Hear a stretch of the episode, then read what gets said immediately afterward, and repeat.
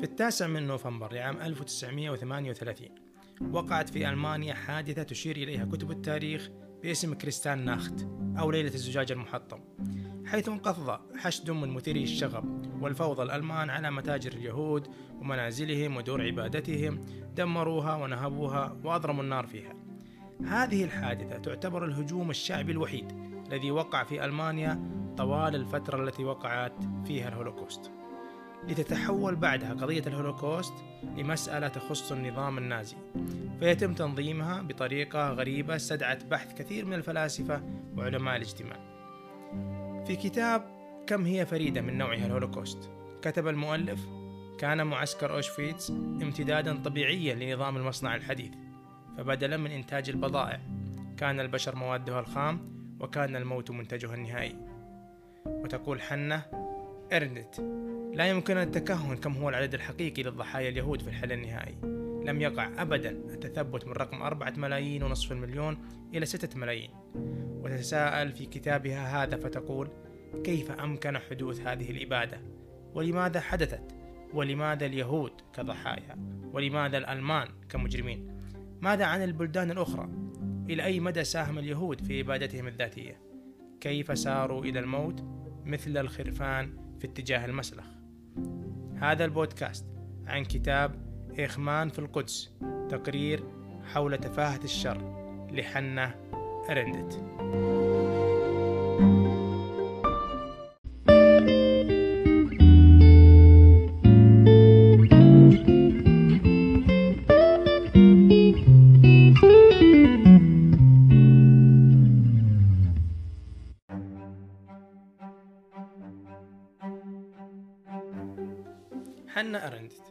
فيلسوفة ألمانية ولدت سنة 1906 للميلاد. من أسرة يهودية هربت من ألمانيا مع صعود الحزب النازي إلى سدة الحكم في عام 1933 لتعيش في باريس ثم تضطر للهرب مرة أخرى منها للولايات المتحدة الأمريكية. لتعيش هناك وتتحفنا بكتبها المهمة في الفلسفة السياسية منها كتاب التوتاليتارية والآخر العنف. وكتابنا هذا الذي كان في بدايته مقالات مكتوبة عن حضورها لمحاكمة الألماني النازي أودولف إيخمان في القدس والذي أعدم عام 1962 ميلاديا صدر الكتاب في طبعته الأولى عام 1963 للميلاد. ونسختي من الكتاب هي النسخة التي قام بترجمتها دار ابن النديم للنشر والتوزيع ودار الروافد في 2014 لست راضيا تماما عن الترجمة. تبلغ عدد صفحات الكتاب 378 صفحة في 15 فصلا وخاتمة. لماذا اخترت هذا الكتاب؟ وأين تكمن أهميته؟ الحقيقة أن هذا الكتاب أثار عند صدوره جدلا واسعا في الأوساط اليهودية. تعرضت فيه حنة لاتهامات من أبناء طائفتها رغم تأكيداتها المستمرة على أنها لا تدافع عن إيخمان وإنما تريد أن تسلط الضوء على المجرم الحقيقي. وتتمثل أهمية الكتاب بتمسك مؤلفته الفيلسوفة بقيم المفكر الموضوعي الذي يحاول فهم بواطن الأمور دون الاكتفاء بظواهرها. لا يزال هذا الكتاب حتى يومنا هذا يواجه نقدا كبيرا في الدوائر اليهودية. للكتاب قصة فبحلول أواخر عام 1941 بدأ ما يسمى الحل النهائي وهو قتل اليهود في المناطق التي تحتلها ألمانيا. ووفقا لخطة أدولف هتلر للحل النهائي للشعب اليهودي تم تكليف أودولف إيخمان بترتيب عمليات الترحيل الجماعي إلى مراكز القتل التي كانت في الأساس في بولندا. لقد فعل ذلك بنفس الاجتهاد الذي استخدمه سابقا في محاولة العثور على دولة أجنبية يمكن لليهود أن يهاجروا إليها. وبعد هزيمة ألمانيا في 1945 أخفى إخمان هويته الحقيقية. وبمساعدة المتعاطفين مع النازيين هرب في النهاية إلى الأرجنتين لمدة عشر سنوات. اجتمع مع عائلته وعاش حياة هادئة حتى تم القبض عليه.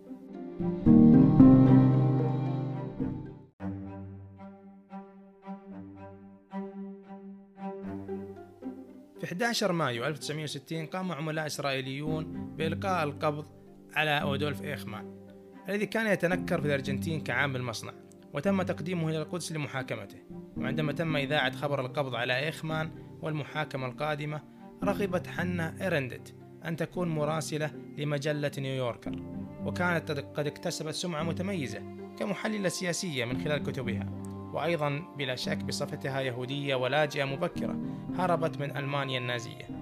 بدأت المحاكمة في القدس في الحادي عشر من إبريل 1961 واستمرت حتى الرابع عشر من أغسطس. وأعلنت المحكمة حكمها في ديسمبر من نفس السنة بإدانة إيخمان بمعظم الجرائم الواردة في لائحة الاتهام والمكونة من 15 تهمة بما في ذلك جرائم ضد الشعب اليهودي والجرائم ضد الإنسانية وجرائم الحرب وكذلك العضوية في المنظمات المعادية. حكم عليه بالإعدام وبعد رفض استئنافه القانوني أعدم شنقا في منتصف ليلة الحادي والثلاثين من مايو 1962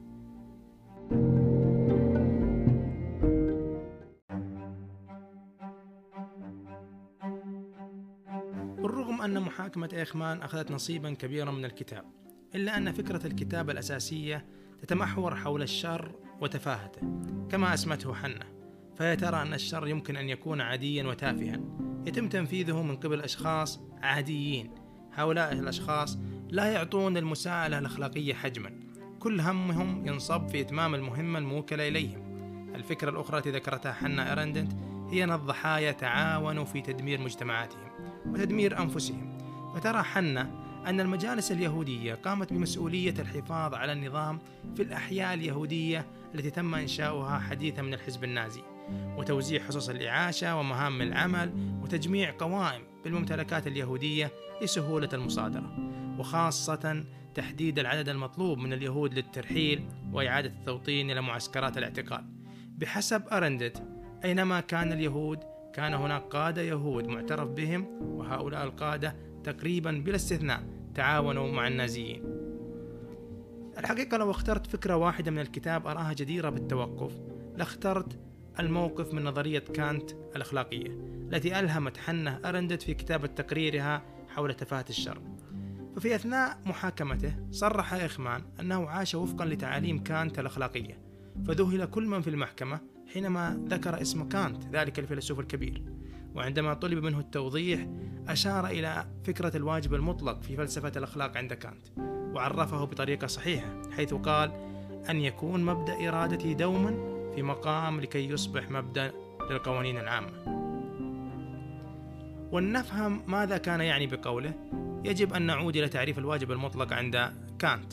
فكانت يقول عن الواجب المنطق أو القطعي كما يقول البعض أن تتصرف فقط وفقا للحقائق التي تستطيع أن تقول أنك تريدها أن تكون قانونا عاما وبالتالي ليس هناك استثناءات عند كانت.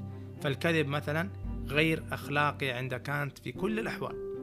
فعند كانت لو جاء مجرم وطرق باب بيتك ليسألك إذا كان صديقك الذي يلاحقه ليس لاجئا في منزلك فإن الكذب عليه سيكون جريمة. مرة أخرى ليس هناك استثناءات.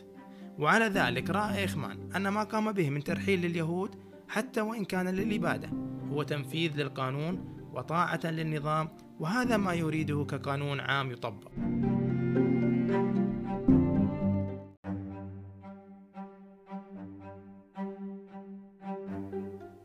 من النقاط المثيرة للاهتمام. وفي سياق بحث حنا أرندنت عن ما الذي دفع الألمان لهذا الفعل.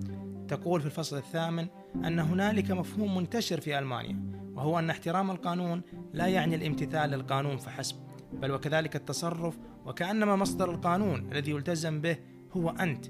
وبالتالي جاء مفهوم الجودة والتي تعني القيام بالعمل إلى غايته فهي ميزة ألمانية أو بيروقراطية. وبغض النظر عن عدد اليهود الذي كانوا ضحية للحل النهائي فهي جريمة إبادة جماعية بلا شك. هذا الكتاب هو كتاب اجتماعي بامتياز تناولت فيه حنا أرندت ما هو أبعد من تقرير عن محاكمة متهم أو مدان. لتأخذنا برحلة فلسفية لفهم طبيعة الشر عند الإنسان وطرق إنتاجه. إذا كان هناك أسئلة في نهاية هذا البودكاست فهي كالتالي برأيك هل كان إيخمان مستحقا لعقوبة الإعدام؟ كيف تنظر للشر في الإنسان من وجهة نظرك؟ هل أقنعك الواجب الأخلاقي القطعي أو المطلق عند كانت؟ والسلام عليكم